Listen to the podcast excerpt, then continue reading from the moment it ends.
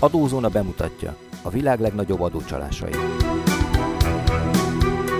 A mikrofonnál dr. Kis Anna kriminológus és Sinka Júlia okleveles adószakértő. A célkeresztben a Mahagében ügy.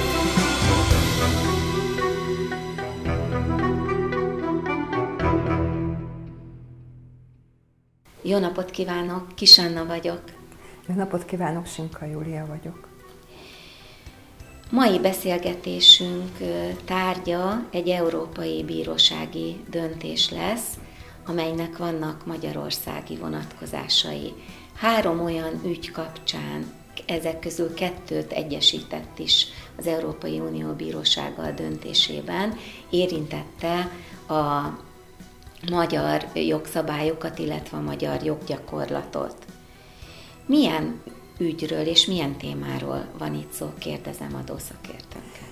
A Mahagében Kft. és Tóth hiszem Gábor volt az illető úriember neve, valamint egy Dávid Péter nevű vállalkozónak az egyesített ügyeiről van szó.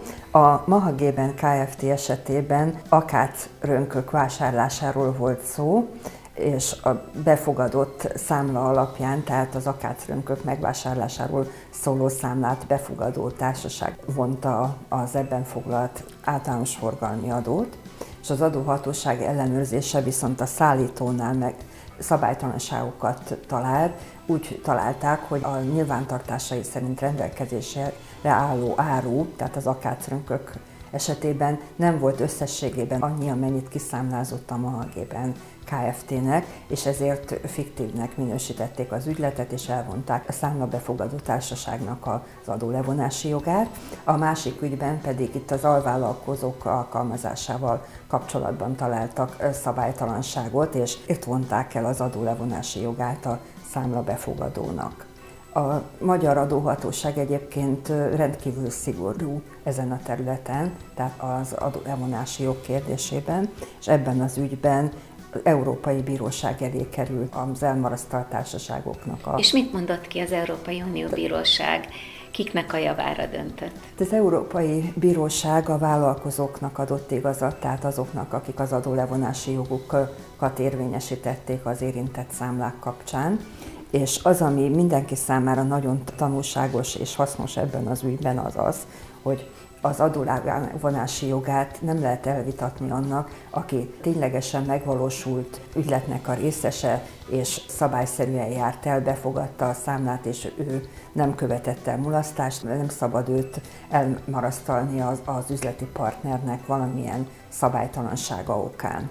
Hogyha ő nem követett el mulasztást, de itt azért kérdésként az is felmerül, hogy bár ő nem mulasztott, de kérdés, hogy tudott-e arról, hogy a másik fél pedig esetleg adócsalást követett el. Kell-e ezt tudnia?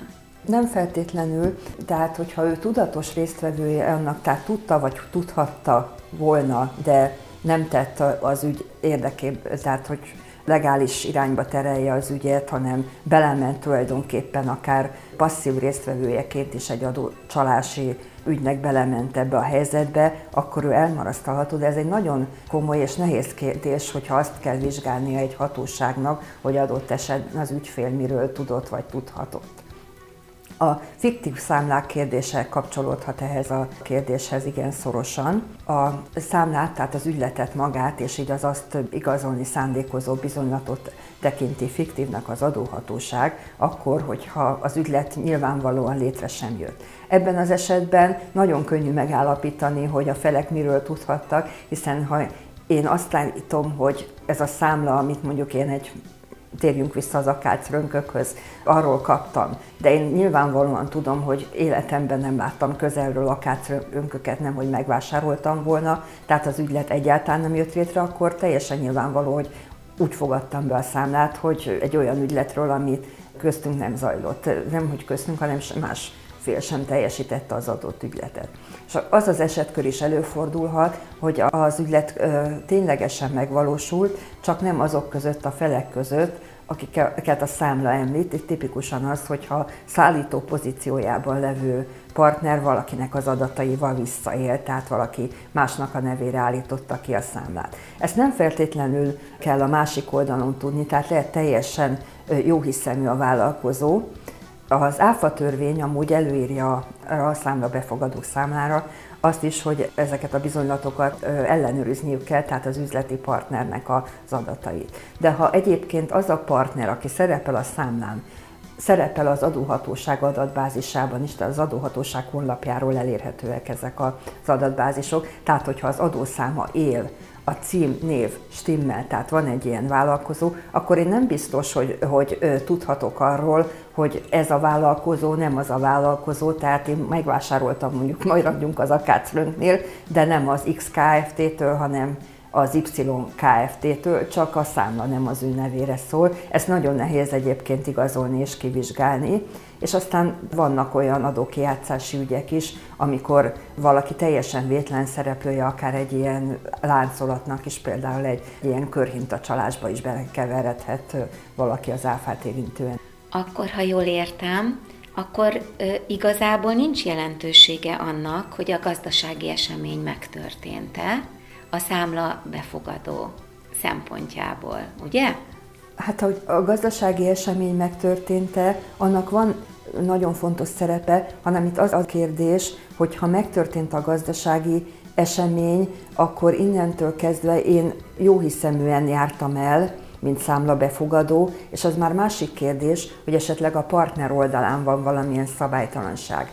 De ez az Európai Bírósági ítélet pont azért fontos, mert ezt nevezte ezt a helyzetet nevén, hogyha megtörtént az ügylet, az én szerződéskötésem alapján minden feltétel teljesült, akkor az én adólevonási jogomat nem vitathatja el a hatóság azért, mert az én üzleti partnerem hazudott az adatait illetően, vagy illegálisan foglalkoztatott munkavállalókat, vagy bármilyen egyéb szabálytalanságot követett el. Ha viszont nem történt meg a gazdasági esemény, arról én nyilvánvalóan tudok, tehát hogy megrendeltem valamit papíron, de azt nem szállították, nem végezték el azt a munkát, az egy másik kérdés, ott már egy tudatos összejátszásról beszélünk.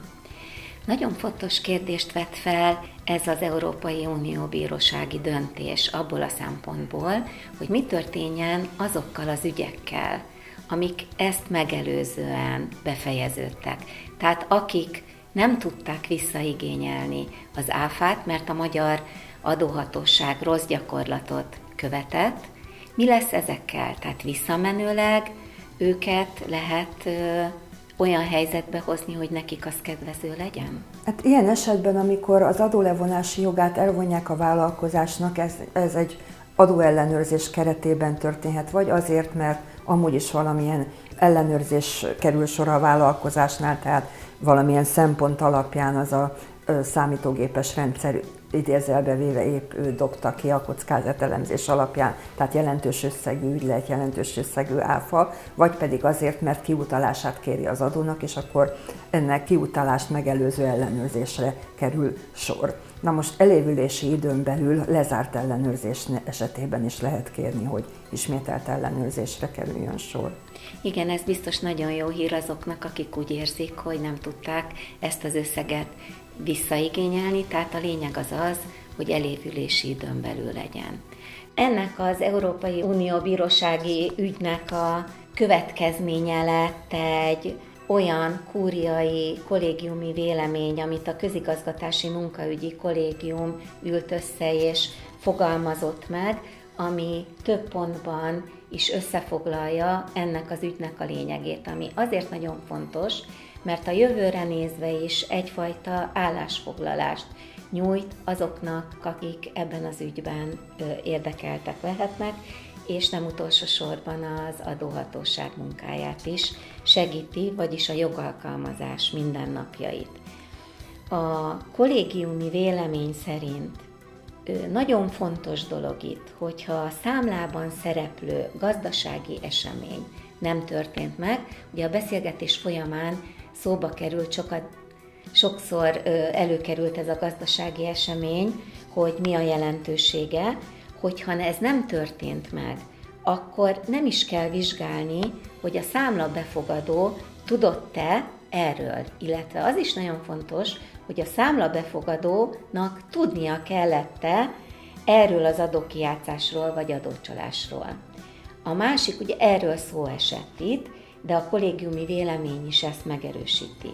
A másik, amit a kúria itt kimondott, hogyha megint csak a gazdasági esemény megvalósulásával kapcsolatosan, ha ez a gazdasági esemény megvalósult, de nem a számlában szereplő felek között, akkor a tényállás függvényében vizsgálni lehet a kúria szerint azt is, hogy a számla befogadó tudott-e, illetve tudnia kellett volna-e az adókijátszásról és az adócsalásról. Ugye ez egy picit a másik oldala ennek az ügynek. És a harmadik dolog, amit én nagyon fontosnak tartok, és a kúriai kollégiumi vélemény is érinti ezt, hogyha a gazdasági esemény a számlában szereplők között, felek között szintén megvalósul, de a számla kibocsátó, vagy itt az általa befogadott számla kibocsátója családmagatartást tanúsított, ugye itt ez már egy másik oldal, hogyha ő tudott róla, vagy direkt ezt kijátszotta, akkor az adóigazgatási eljárásban vizsgálni kell, hogy a számla befogadó tudott-e, illetve tudnia kellett-e erről az adócsalásról vagy adókijátszásról. Köszönjük szépen a beszélgetést. Jogászként, kriminológusként azzal zárnám, hogy azért azt se felejtjük el, hogy itt ezekben az ügyekben a bizonyítási teher az a hatóság oldalán van, tehát az adóhatóságnak kell mindazt bizonyítania, amiről ma itt beszélgettünk. Köszönöm szépen. Én is köszönöm. Adózási, számviteli, munka és cégjogi témákban tájékozódjon az adózóna.hu weboldalon.